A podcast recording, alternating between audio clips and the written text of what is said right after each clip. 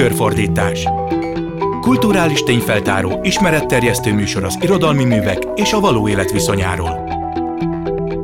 Tükörfordítás jó napot kívánok! A Klubrádió mikrofonjánál Pályi Márkot hallják. Ebben a műsorban a szövegek és a valóság viszonyával foglalkozunk, és általában olyan témákat vizsgálunk, amelyekről kevesebb szó esik, vagy nem olyan nézőpontból esik róluk szó, ami egy picit is eltérne a megszokottól. A mai adásban még a szokásosnál is ellentmondásosabb témát próbálunk megboncolni, az antiszemitizmus, mint érzéki averzió problémáját, vagyis azt, hogy a történelmi értelemben vett modern modern antiszemitizmustól eltérően, amelyet leginkább eszmeként, gondolatvilágként határoztak meg, és amely végül emberek programszerű elpusztítását tűzte ki céljául, a második világháború óta nem tudunk erre a beállítódásra másként tekinteni, mint lélektani problémaként, ami számos emberben az önmagához való viszonyt jeleníti meg, vagy a közösségéhez, a másokhoz való viszonyt képezi le valamilyen formában, és az elmúlt évtizedekben ebben a jelenségben már nem mindig válik annyira szét. Az esetleges ellenséges érzület a bűntudattól, az egyszerű énkereséstől, vagy éppen a zsidók iránti mély érdeklődéstől. Itt most tehát nem a faragatlan vagy erőszakos emberek indulatos előítéleteivel fogunk foglalkozni, amivel ma is találkozhatunk persze, hanem a problémának azzal a részével, ami a történelmi antiszemitizmus, mint eszme összeomlásának kísérő jelenségeként is fölfogható. Második illetve harmadgenerációs problémaértelmezéseket, megközelítéseket fogunk hallani. Vendégem lesz Balázs Anna kulturális antropológus, akinek a fordításában fogjuk hallani Lauri Pilter észt író prózáját Pálos Hanna előadásában, ezen kívül Hajnóci Péter föloldozás című tárcáját, Valc Péter, Csengei Dénes eszérészletét és Adi Endre versét Egger Géza, Csóri Sándor versét pedig Göndör László fogja felolvasni. Egy rövid interjú erejéig pedig Jánosi Lajos irodalmár is megszólal, hogy segítsen eligazodni a téma egyik szeletében. Kezdésként hallgassuk meg Nemes Zé Márió Francia vacsora a Griff Hotelben című versét a szerző előadásában, amelyben a költő az antiszemitizmus amorf jellegéről beszél, azaz arról, hogy a zsidó ellenes érzület virágkorában sem pusztán egy néppel szembeni előítélet volt, hanem a valóságérzékelés elvesztésének jelensége kísérte. Most tehát Nemes Zé Márió verse következik. Francia francia vacsora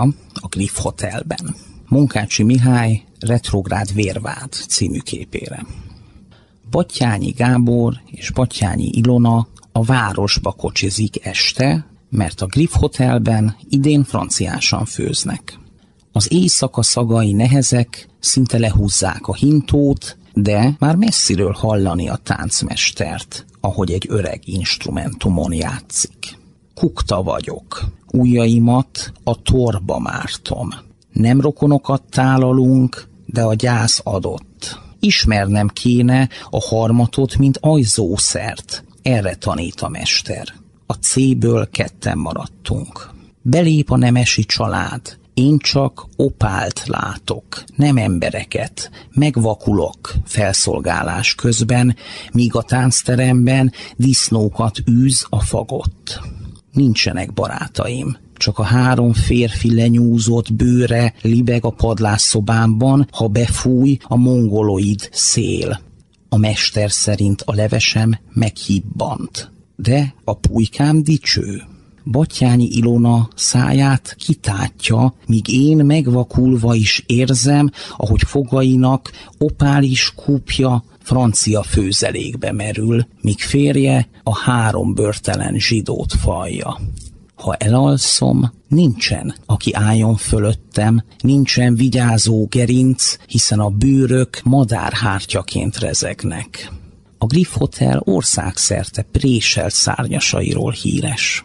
A nemesi hintó csilingelve tűnik el a tájköldökében, de a rokokóban nedvedző sepként tátong az üreg, ahol az örvény féreg társát megette. Nemes Zé Márió olvasta föl versét a tükörfordítás mai adásában, és a telefonnál Balázs Anna kulturális antropológust, urbanistát köszöntöm, aki jelenleg Angliában él, de sok helyen élt már, és kutatta az emberi viszonyok kulturális szerveződéseit, hosszú időt élt például a most porrá bombázott Mariupolban is, illetve élt Észtországban is, Tartuban, ahol a következő szöveg is játszódni fog, amelyet majd hallani fogunk, és amelyet ő fordított magyarra. Azonban most még maradjunk kicsit az előbb hallott versnél, illetve annak a tematikájánál, ebben a versben nem ezé már jó a saját költészetére jellemző nyelvet, vagyis az emberi forma eltorzulására irányuló figyelmét kötötte össze az antiszemitizmus jelenségével, annak az ihletésére úgymond, amikor kiderült, hogy Munkácsi Mihály annak idején antiszemita vérvált képet is festett egy vagyonos orosz ember megrendelésére. Úgy tűnik, hogy az emberek lelkében mindig is megvolt az igény, hogy ne csak a valóságban is megfogható formákhoz kössék az érzéseiket, hanem amorf jelenségekhez is. A mesékben a törpék, vagy a különféle kitalált amorf lények is ilyenek, de volt egy különös szakasza az emberiség kultúrtörténetének, amikor az ilyen képzelet a valóságos emberekről alkotott benyomással mosódott össze, nem csak egyes emberek elméjében, hanem a korszellemben is, amely a modernitást fenyegetésként élte meg, lélektanilag egyébként valószínűleg teljesen érthetően. De mondjuk a a késő modern kor végén, és kérdezem most akkor Balázs Annát a telefonnál, tehát a 20. század végén, vagy a 21. század elején milyen hatásokon múlik szerinted, hogy valaki fogékony lesz arra, hogy összemossa, összekeverje, összegyúrja a valóságosnak mondható, megfogható formát, illetve a formátlanság iránti érzéseit? Én azt érzem, hogy nincs nagy különbség a századal ezelőtti és a mai viszonyulásokban, ahogy elnézem. Az egyetlen különbség az a technológiai módszerek, amik elérhetők, és azok hogyan vannak használva az ilyen megfoghatatlan jelentéseknek a felerősítésére. Most éppen az internetet használják arra, hogy az embereknek a legbelső félelmeit, ami ugye egy nagy közhely, hogy itt mind az ismeretlentől való félelemről beszélünk, ezeket hogyan fogják meg. Beszélhetünk a Bill Gates mikrocsipjeiről, amik az oltásban vannak rejtve. Itt beszélhetünk az úgynevezett náciknak a feltalálásáról az oroszok által, például a saját mariupoli tapasztalataim az is egy érdekes példa, ott zombiknak és kiszöld embereknek hívták a Donetszki népköztársaság separatista katonáit, és az is egy sokat mondó metafora, ez a zombi, mert ugyanerről szól, hogy nem tudjuk, hogy ki az. Balázs Annával folytatjuk a beszélgetést a szöveg után, amelyet ő fordított észt nyelvből. Lauri Pilter Felejtkezzék el rólam az én jobb kezem című novellájának részleteit fogja előadni Pálos Hanna. Enyhe koranyári nap volt. Születésnapja alkalmából egy zsidó család jött vendégségbe Lea Kafkához. Elhunyt apja ismerősei. Leának csak az apja volt zsidó, csehországi származású. Az apa az új tartói zsidó temetőben volt eltemetve. Más azonos nevű rokonok mellé, akik mind az 1880-as években Rigából Tartuba érkezett ősapától származtak. Az ősapa is ott feküdt mellettük. Lavrán, a norvég keresztnevű 18 éves egyetemista eljárt Leával az apja sírját gondozni, és egyik-másik alkalommal Mikulás virágot is vitt a Kafkák ősatja Ábrahám sírjára. Lavrán bérlő volt le a Kafka lakásában. A lakás a háború előtt zsidóké volt. A szoba, ahol Lavrán lakott, a háromszobás lakás legkisebb szobája volt. Egészen pici fülke. A háború előtti időkben a zsidók cselédje lakott itt. Lea a születés napján bort szolgált föl, meg vodkát, krumpli-salátát, disznóhús csavanyú káposztával és sült krumplival, és kalácsot.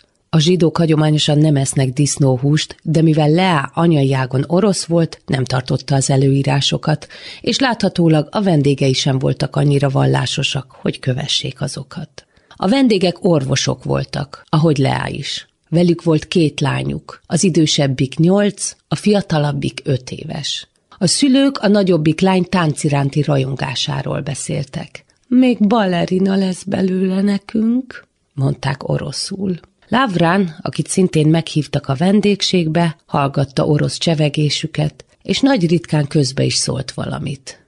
Evés után bement a szobájába, hogy magában legyen, és összegezze a hallottakat. A nappaliban az asztal közelében, a szobaajtó melletti ágy szélén, ahol Lá aludt éjszakánként, ott ült az idősebbik lány, és csak úgy árad belőle az orosz nyelvű szavak csobogása. Lávrán a székén ült, és érdeklődve, de némán hallgatta. A lány a balettről beszélt. Arról, hogy beszeretne kerülni a balettiskolába, balerinává akar válni és táncolni. Ahogy beszélt, kerekded volt. Egyáltalán nem balerina külsejű. Izgatottan beszélt. A fiatalabbik testvér már egy ideje nyugtalannak tűnt a nővérére irányuló figyelem miatt. A kislány most bement Lávrán szobájába. Hanyat feküdt, és egyenesen Lávrán lábai előtt hídba emelkedett, úgy, hogy kilátszott az alsó neműje. Az ifjú, akinek az előadás szólt, szelíd és zavart érdeklődéssel nézte azt. Az idősebbik nővér fészkelődni kezdett, és ő is bejött Lávránhoz. Látva, mit csinál a huga, ő is hanyat feküdt, és hídba emelte magát, ugyanúgy megmutatva az alsó neműjét. Lávrán csak annyira nézte a csintalan gyerekeket, amennyire illendőnek tűnt. Az idősebbik nővér a testgyakorlatok mellé kedvesen csicseregni kezdett. Lávrán hallgatta őt. A fiatalabb lány mórikálta magát, és látszott a tekintetén, hogy elhatározta, lepipálja a nővérét. Egy mozdulattal felrántotta csinos csipkés szoknyáját, már korábban is lecsúszott harisnyáját lehúzta a térdéig, és néhány további gyors mozdulat nyomán Lávrán meglátta az altestét. A combjait és a fenekét csupaszon, a bugyia a csípőjére került. A kislány feltárulkozott előtte. Épp ebben a pillanatban jelent meg a gyerekek anyja az ajtóban, és a kislány odakacsázott az anyjához, aki azon nyomban gondjaiba vette. Visszahúzta a harisnyát a lábaira, és visszavitte a nappaliba, ahol a vendégek az induláshoz készülődtek. A nagyobbik lány az anyja után ment. Senki nem tulajdonított túl nagy jelentőséget az esetnek. Ilyen dolog, mint hogy egy kislány mutogatja magát egy fiatalembernek, gyakran megesik a gyerekekkel. Lávránban mégis visszhangot vert az eset, méghozzá igen nagy visszhangot. A történetet úgy őrizte meg magában, mint mindannak az ellentétét, amit a többi találkozása során tapasztalt a női nem egyéb képviselőivel, sok más zsidó nővel.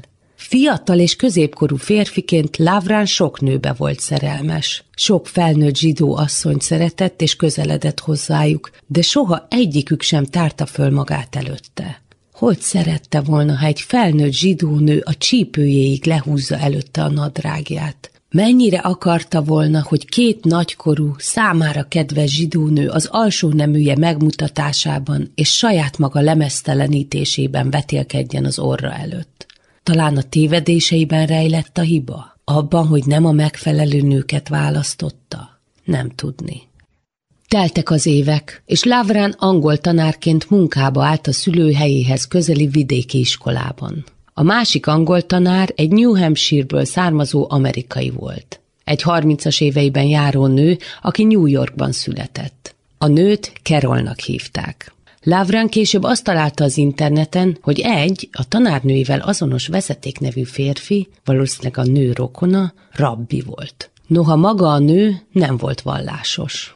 Nem sokkal a nő érkezése után Lávrán biciklizni ment vele, meg kocogni az országúton, mindkettőt fehér edzőcipőben. Az amerikai nő többnyire pár lépéssel hátrébb futott, és Lávrán élénken érzékelte a kemény, élettel teli női testet, amely az övével épp egy ritmusban hullámzott. Érezte jól kivehető melegségét, minden apró rezdülését. A futást követően Lávrán a nőnél lezuhanyozott, és ott ült a konyhájában. Ebédelt. Egy kis idő múlva Lavránnak mosdóra kellett mennie. A WC a fürdőszobában volt, a radiátor csövén száradó, sötétkék alsó neműk lógtak. Lávrán régebben a szárítókötélen, vagy valahol a szekrény egyik fiókjában látta az apja összehajtogatatlan alsó nadrágjait. A nő alsó neműjében valami az apja alsóira emlékeztette nem a szaguk, azt nem érezte, csak az, hogy milyen kopottak, viseltesek voltak. Ráadásul a szabásuk is egészen férfiasnak tűnt, de már attól izgatóan hatottak, hogy Kerol viselte őket.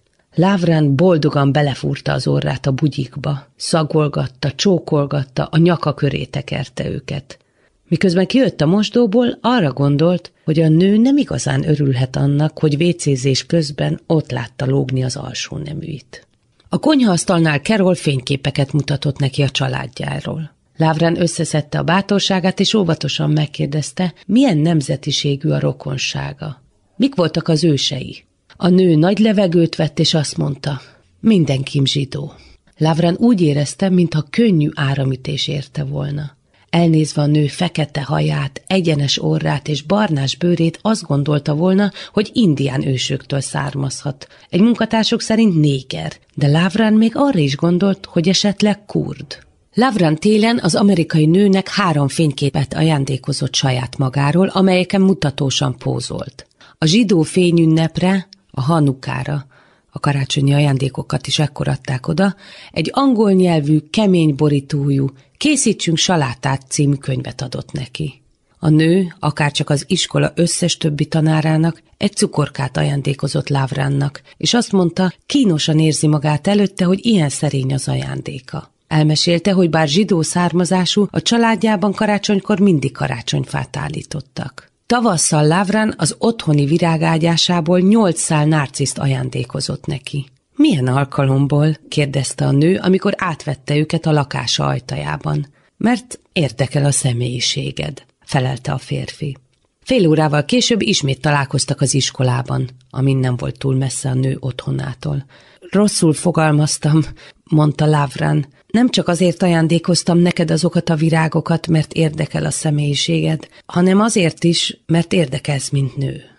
A zsidó nő, aki a számítógép teremben ült egy gépnél, kattintott néhányat az egérrel, felsóhajtott, majd azt mondta, Hányszor kell még értésedre adnom, hogy engem nem érdekel, hogy érdekellek, mint nő? Tudom, felelte Lávrán feldultan. Egyszerűen csak nem tudok mit tenni, ha nem múlik az érdeklődésem. Mikor már jobban benne jártak a tavaszban, a férfi ismét kocogni hívta a nőt. Kerol nemet mondott. Az egyik ok, amiért nem jövök veled futni, mondta, hogy szeretném a munkatársak szintjén tartani a viszonyunkat. Másnap összefutott Kerollal az iskola titkár irodájában. Ketten maradtak az épületben, Kerol izgatott volt. Hamarosan indulnia kellett Tartuba, az amerikai tanárok központjába.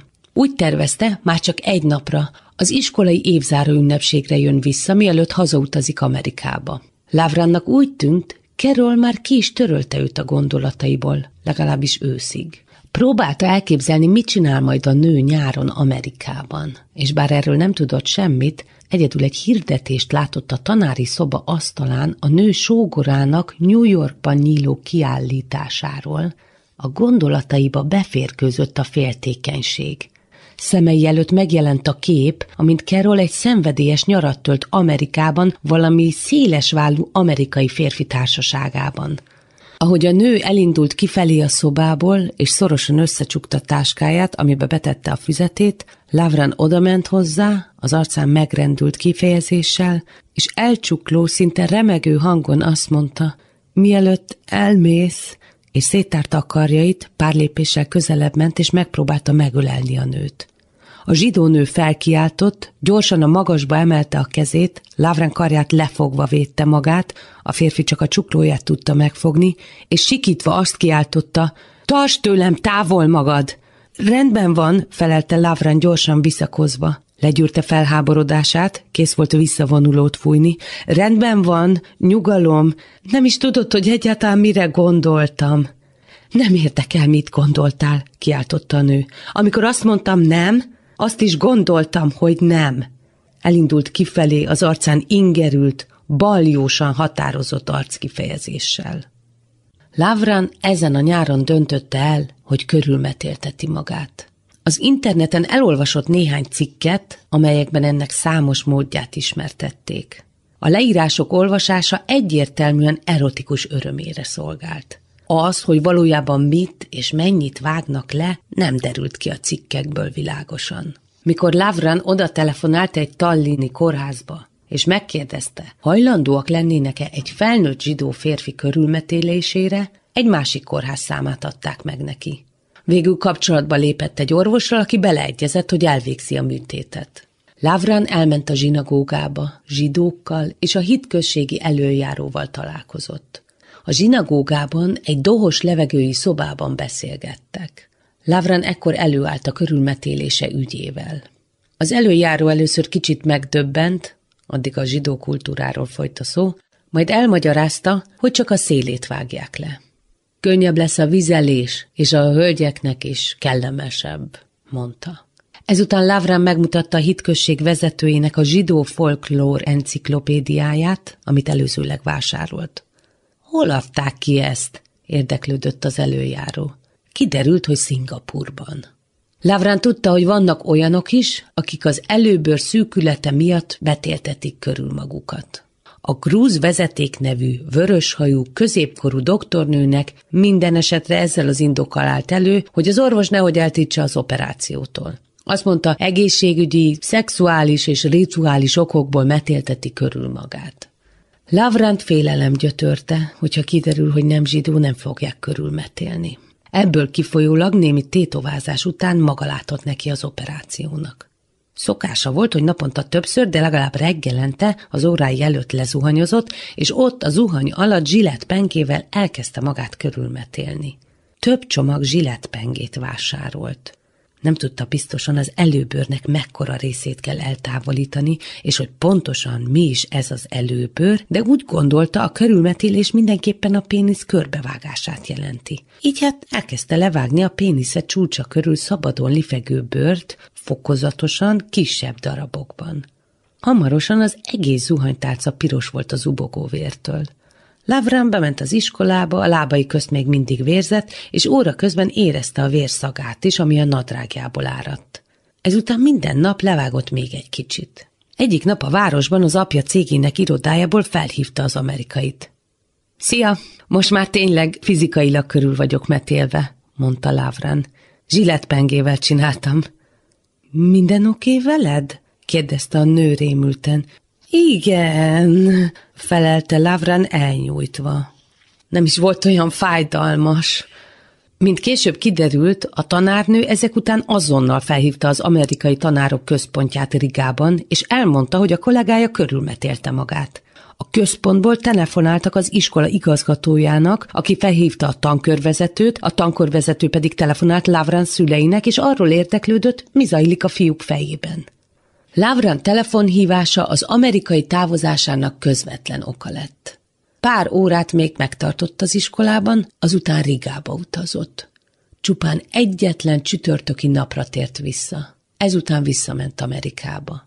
Épp azon a csütörtökön, mikor a tanárnő utoljára járt az iskolában, volt esedékes Lavran végleges körülmetélési műtétje a Tallini kórházban.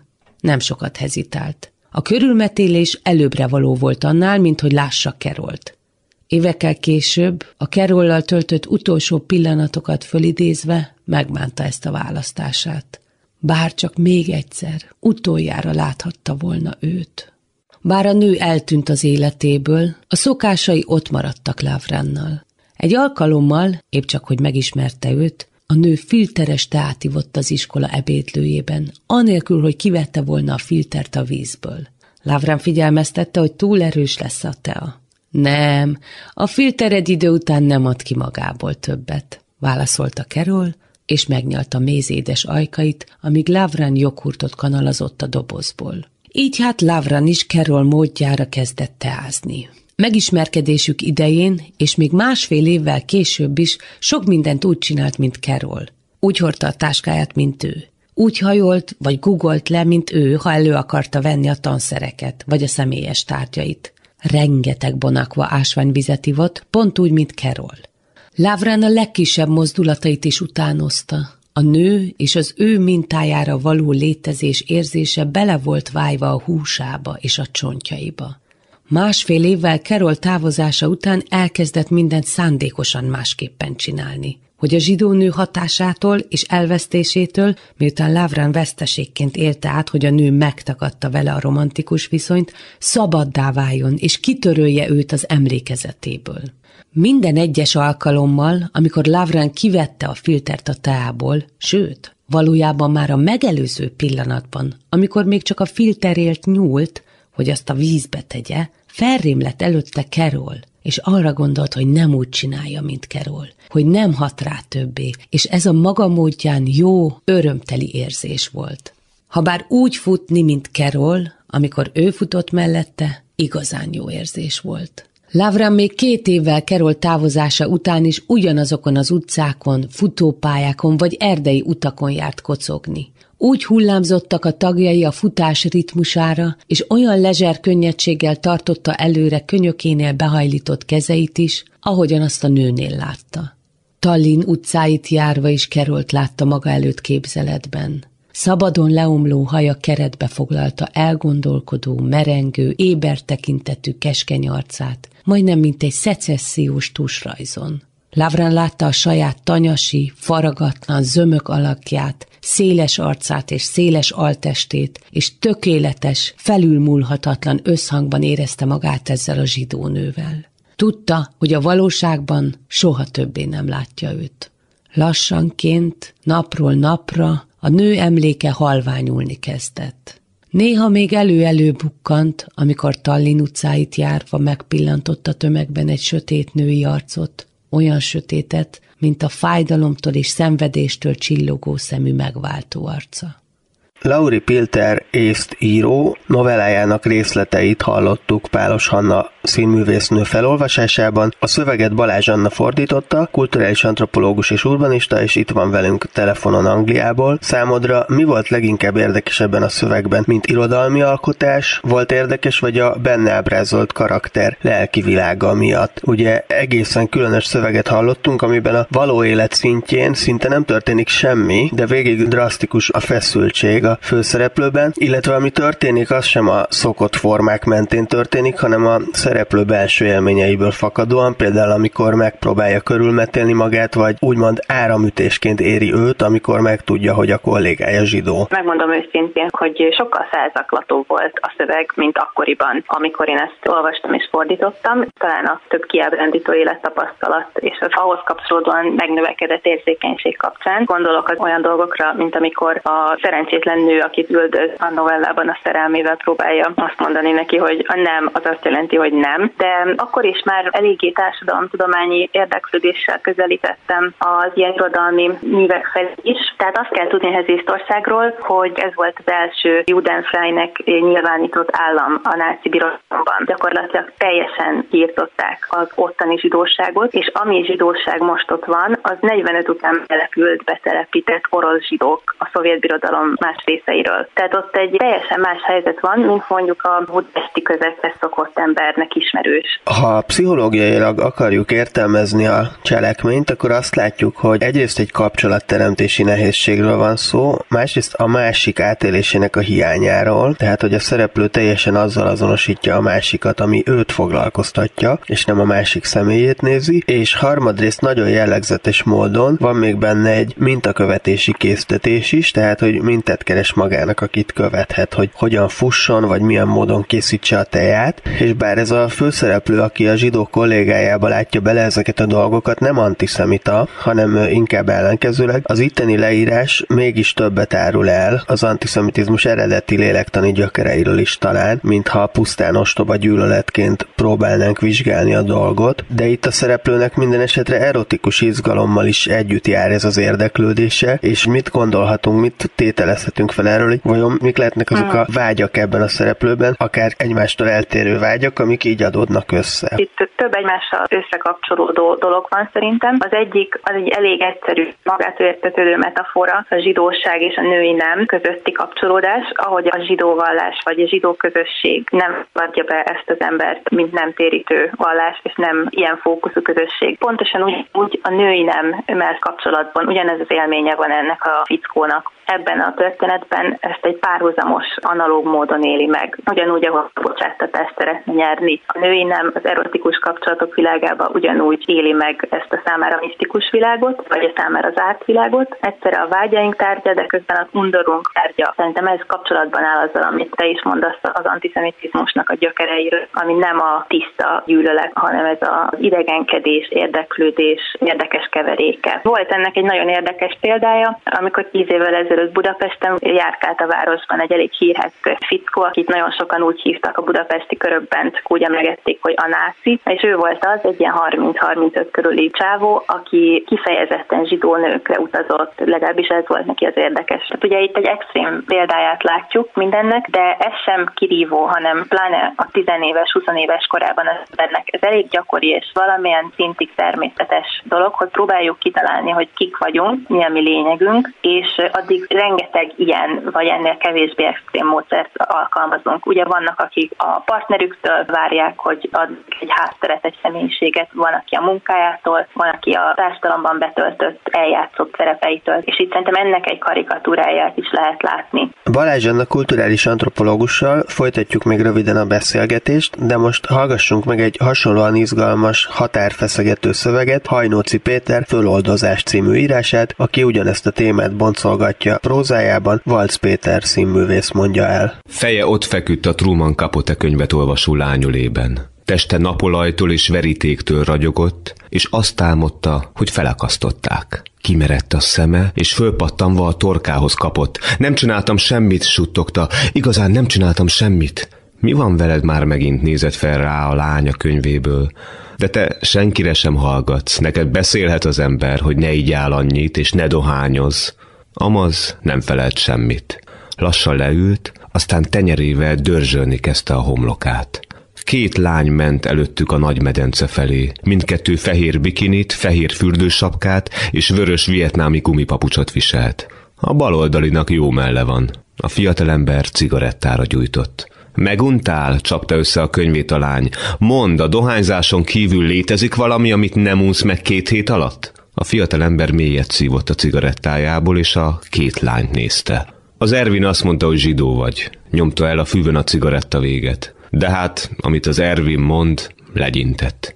És ha kivételesen nem hazudott, csattant fel a lány. Ha csak ugyanaz igazat mondta, el akartalak venni, vont vállat a fiatalember. De Ervin össze-vissza fecsegett.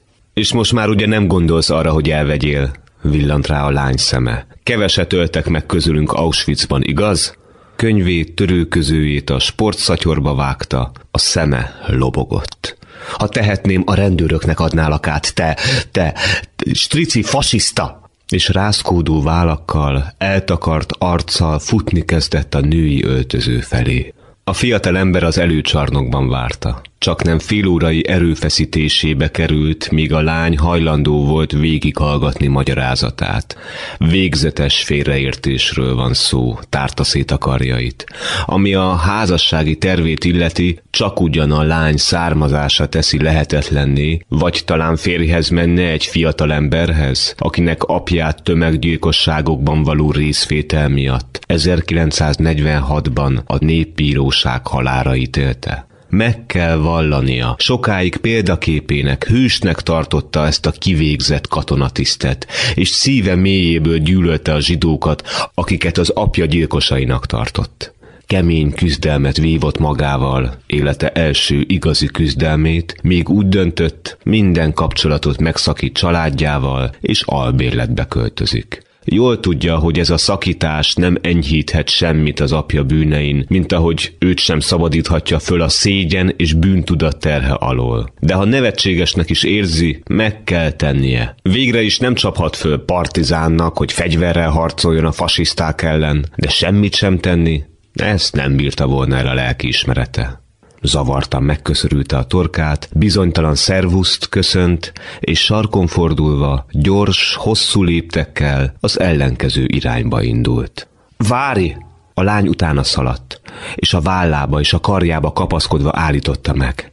Nem, csak ugyan nem sejthette, hogy valami egyéb ok miatt akar szakítani a fiatalember, mint amiért egy fajgyűlölő tenné. Amit a fiatalember az apjáról mondott, az csak ugyan szörnyű történet, de Gyöngéden megsimogatta a fiú karját, számára nem jelent többet, mint egy lapot a történelemből. Tényhalmazt, amely bármennyire embertelen és iszonyatos, egyszerűen képtelen teljes jelentőségében fölfogni és átérezni. Talán csak a személyes tapasztalat ereje elég ehhez. Ő abban az évben született, amikor a fiatalember apját kivégezték. Most béke van.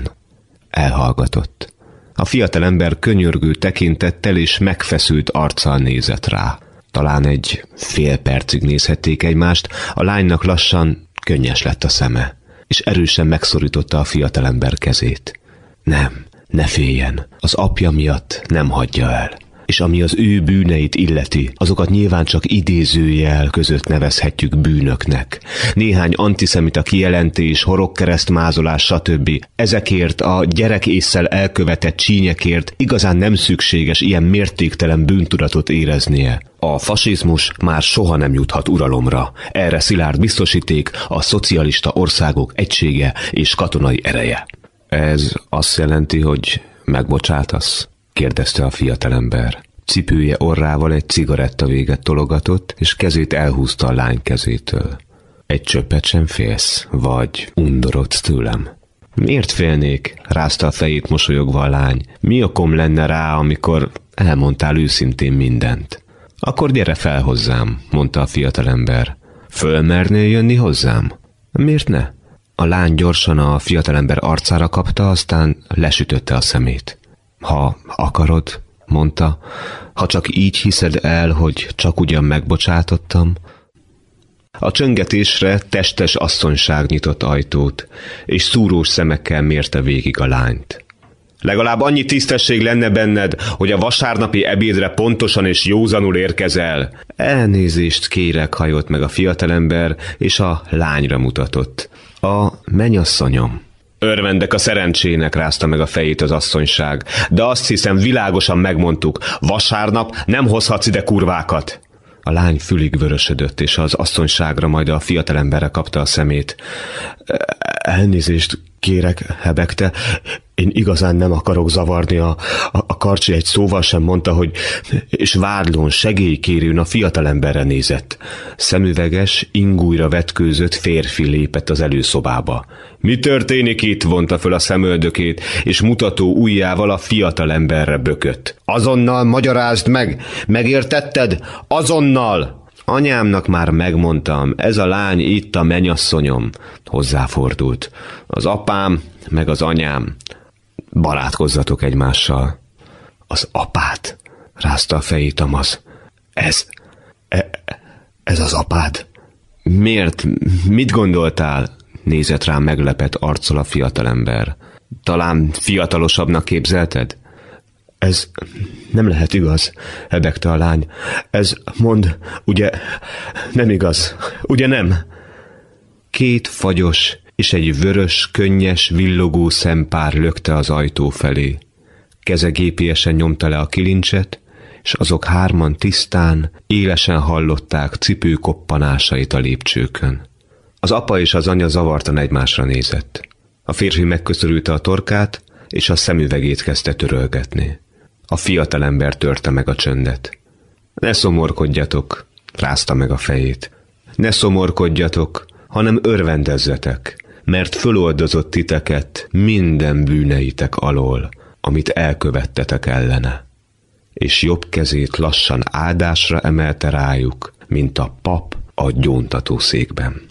Valc Péter olvasta fel Hajnóci Péter Föloldozás című tárcáját. Ez a rövid kis novella a halál kilovagolt Perzsiából egyfajta előtanulmánya volt, de szerintem egyébként ebben jelenik meg eszenciálisan az, amit Hajnóci a Perzsiában kevésbé tömören ábrázol, illetve részben más összefüggésbe helyez. A telefonnál továbbra is itt van még velem Balázs Anna, aki az előtte hallott Lauri Pilter szöveg fordítója volt, és az észtíró szövegéhez hasonlóan csak talán sokkal nyíltabban kerül összefüggésbe összefüggésbe a hajnoci szövegében is egymással a holokauszt bűneihez való viszony és a második világháború után élő férfi saját férfiasságának a megélése, és erről már beszéltünk, de szerintem már eleve ez lehet a kulcsa egyrészt a dolognak, hogy a modernkori gépek feltalálásával a férfi testi ereje, vagyis a dominanciájának a klasszikus hivatkozási alapja részben fölöslegessé vált, és úgy tűnik, hogy a második világháború után aztán egészen fölöslegessé vált, egyrészt az atombomba meg megjelenésével, ahol egyetlen gombnyomás is erősebb nem csak bármelyik férfinél, hanem bármelyik férfi bármelyik fegyverénél is. Másrészt pedig ez az erőszakos férfi minta vállalhatatlanná is vált a holokauszt után, és rengeteg ember küzdik azzal, hogy más mintákat találjon. Egyrészt nagyon furcsa, hogy amilyen általános ez a dolog, annyira szégyelni valónak is számít, és ezt szeretném még tőled megkérdezni, hogy ha ez ennyire férfi központú jelenség, akkor egyrészt hogy lehet ugyanez a nőknél, hisz hiszen a nőknek is tudnak lenni ugyanilyen érzéseik, mint amiket ezekben a szövegekben férfiaktól láttunk, illetve hogyha valakiben ilyen nehéz a viszony, tulajdonképpen nem is a saját erőszakosságához, amit inkább egy fantázia, hanem inkább csak aggájai vannak ezzel a korábbi mintával, és pont azért látja magában, mert ez valójában nincs benne, csak mintha kéne, hogy legyen benne, ahhoz, hogy férfi lehessen, akkor mit lehet javasolni egy ilyen embernek? Mert most, hogyha csak szégyelli magát, meg elhallgatja, akkor valószínűleg nem lesz könnyebb. Ez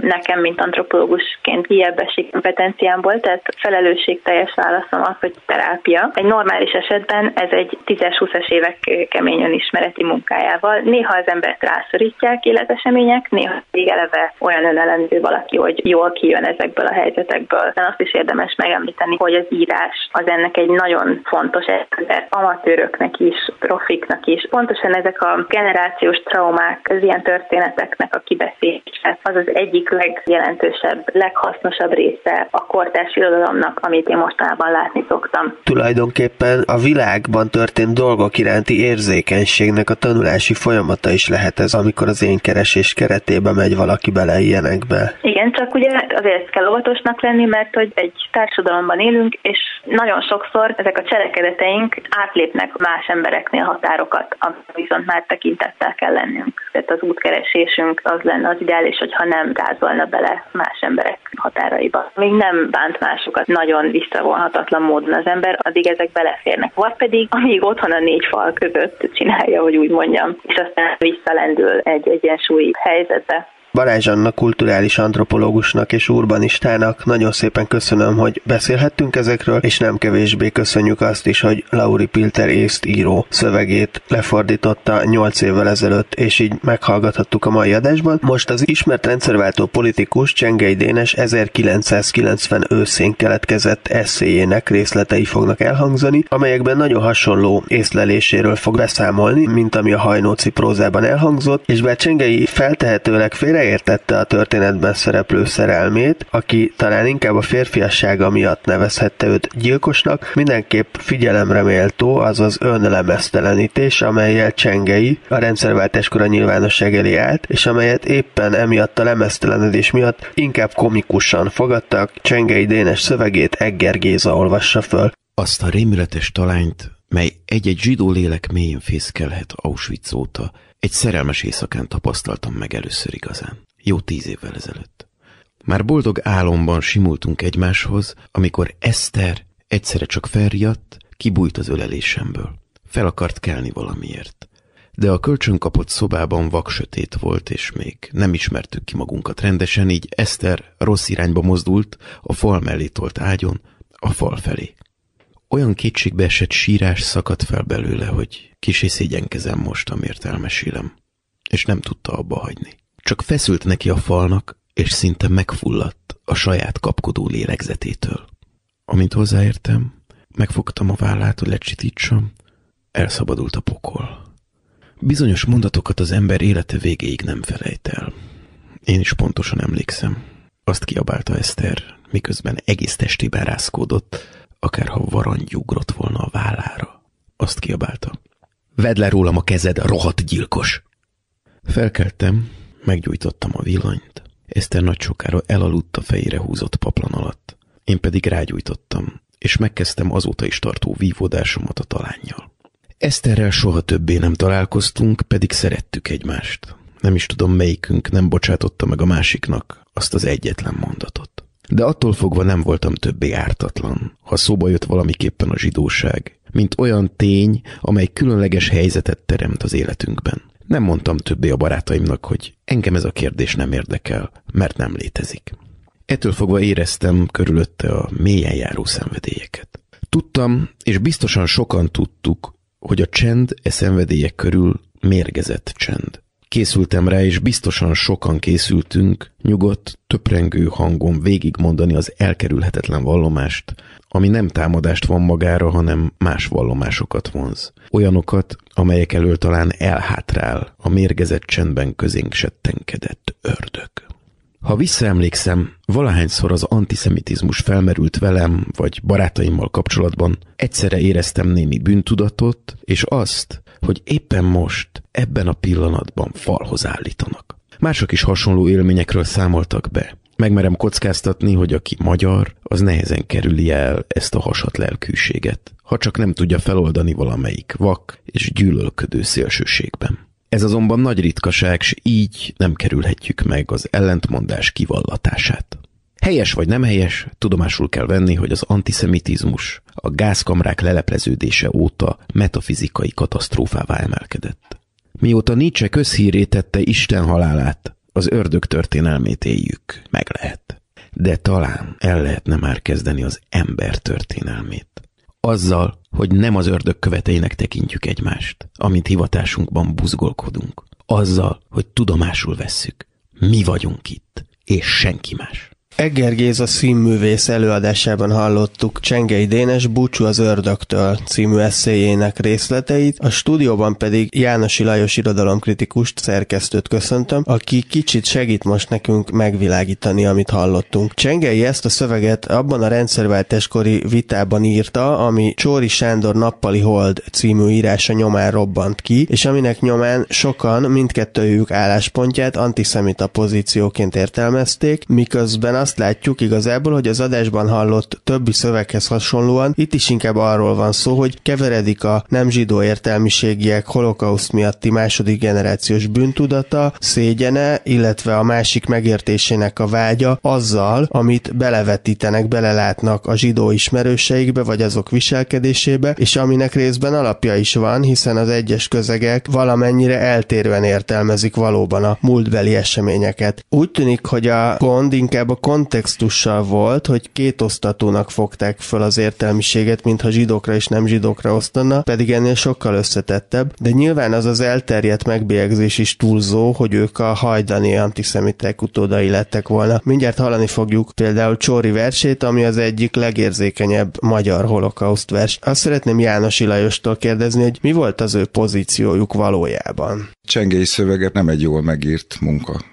nem egy reflektált szöveg, nincs eldöntve íróilag, hogy ehhez a kérdéshez hogyan viszonyul. A probléma tipológiailag nagyon egyszerű, az idegenség és a másság bizonytalan pozícióit jelöli ki, vagy nem találja meg. Azt, hogy ezeket a bizonytalanságokat megvizsgáljuk, vagy ezekre helyezzük a hangsúlyt, abban gyökerezik, hogy ez a úgynevezett feltörekvő első generációs vidéki értelmiségnek nem volt módjában, mint hogy az egész magyar kulturális közösségnek szembenéz nézni azokkal a, az egész nemzetet sújtó tragikus eseményekkel, amin nyilván a 44-ben kicsúcsosodó történethorizontot látjuk. A megbeszéletlen, a kidolgozatlan, a diskurzuson kívül reket hagyománynak megvan ez a rettenetes terhe. Ez Csengeire is hárult, és ő sem boldogult ezzel igazából. Benne ragadt azokban az előítéletekben, amelyek a hagyományhoz természetesen hozzátartoznak. Nem is nagyon volt segítségére semmi, hiszen nagyon keveseknek volt ez ügyben bármiféle támaszkodójuk vagy támpontjuk, hiszen generációs problémát is jelent ez, abból a szempontból, hogy ezek a generációk a 45 után születettek kulturális szempontból egy olyan térben mozogtak, amelyben a 45 utáni magyar kulturpolitika ezt a területet tabusította. Tehát ezeket a terheket nem csak a csengei viselte, jócskán lehetne sorolni olyan alakokat, akik rettenetes zavarba voltak, és ahogy te az elején említetted, nagyon furcsa kétlelkű karakterek emberekről beszélhetünk, mert egyrészt az értelmezési tartományt azt alapvetően meghatározták ezek az előítéletek, ugyanakkor azért érzékeny emberekről is van szó, tehát nem vérnősző fasisztákról finoman szólva, hanem kimondottan figyelmes, felelősségteljes alkotókról, akik nem tudtak felvenni egy lépésrendet ebben a kérdésben. A szabadságnak az a kérdése forog itt kockán, ami egy kulturális közösségnek az önformáló és önépítő szabadságát jelenti, és ez csonka maradt végig. És hát akkor a csórit is vegyük bele, a csóri verset, ami egyébként elüt ezektől a szövegektől, tehát az itt elhangzott szövegeken belül a Csóri szöveg szerintem nagyon empatikus, nagyon költőileg átélt és nagyon tanúskodó szöveg. Bizony az azért fontos, mert Csórinak a nappali holdban megfeneklő gondolkodásával egy nagyon furcsa konfrontatív viszonyban van, és Csóri életpályáját meg lehetne vizsgálni. Nagyon sok olyan jelentős momentum megragadható, amelyek alapján ez a szembenállás más élesebb körvonalakat ölt, elkerülve egyébként azt is, hogy Csórit kitegyük annak a vádnak, hogy ő egy ízig-vérig antiszemita lett volna. Nyilvánvalóan nem volt az, de ott abban a történelmi helyzetben mégiscsak valami mélyről egyszer csak felcsapott, és inkább a frontvonalak akkor kezdtek még erőteljesebben befagyni, és azt hiszem egyébként, hogy a Csóri dideregve és magányosan halt meg. János Lajosnak nagyon köszönöm, hogy beszélt erről, és akkor most hallgassuk meg Csóri Sándor említett költeményét, az Emlékezés egy régi utcára című verset Göndör László mondja el. Kis görbe utca,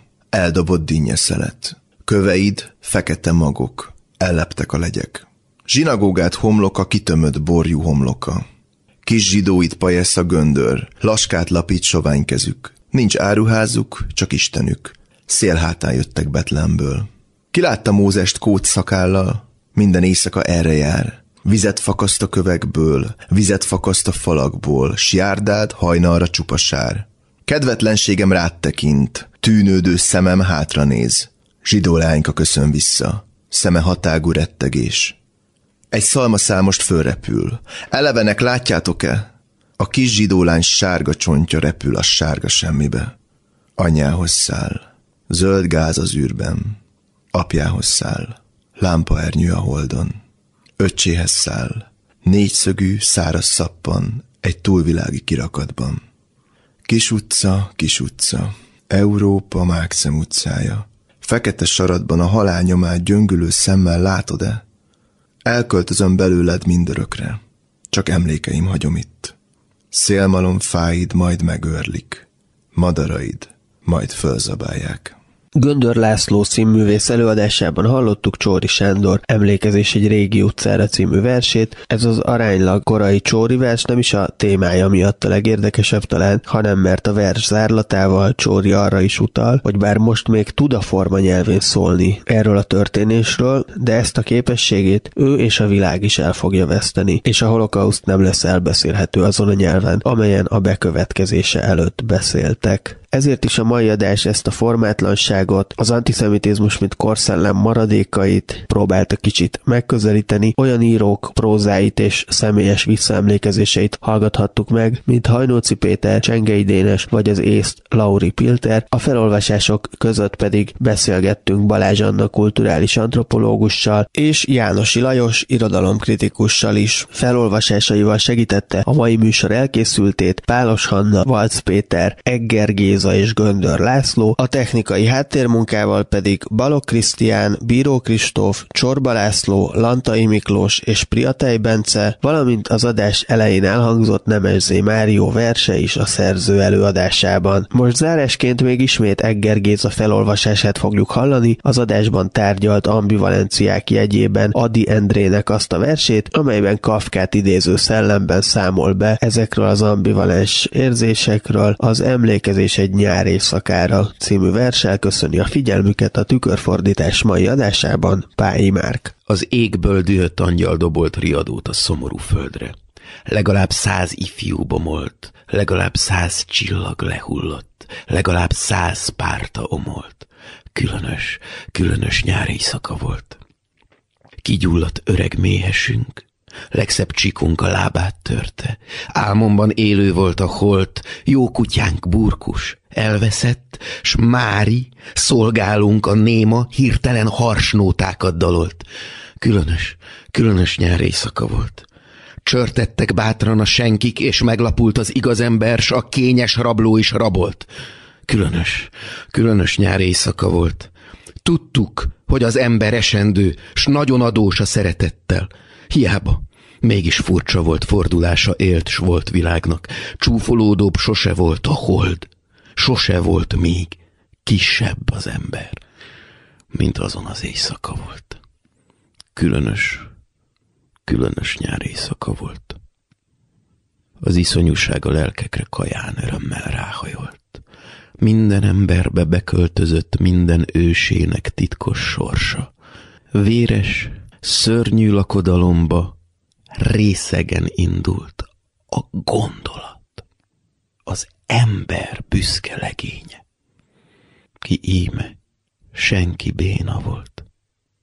Különös, különös nyári éjszaka volt. Azt hittem, akkor azt hittem, valamely elhanyagolt Isten életre kap, s halálba visz. S íme, mind mostanig itt élek, akkéntam az éjszaka kivétett, s Isten várón emlékezem egy világot elsüllyesztő, rettenetes éjszakára. Különös, különös nyár éjszaka volt. Tükörfordítás Kulturális tényfeltáró, ismeretterjesztő műsorunkat hallották.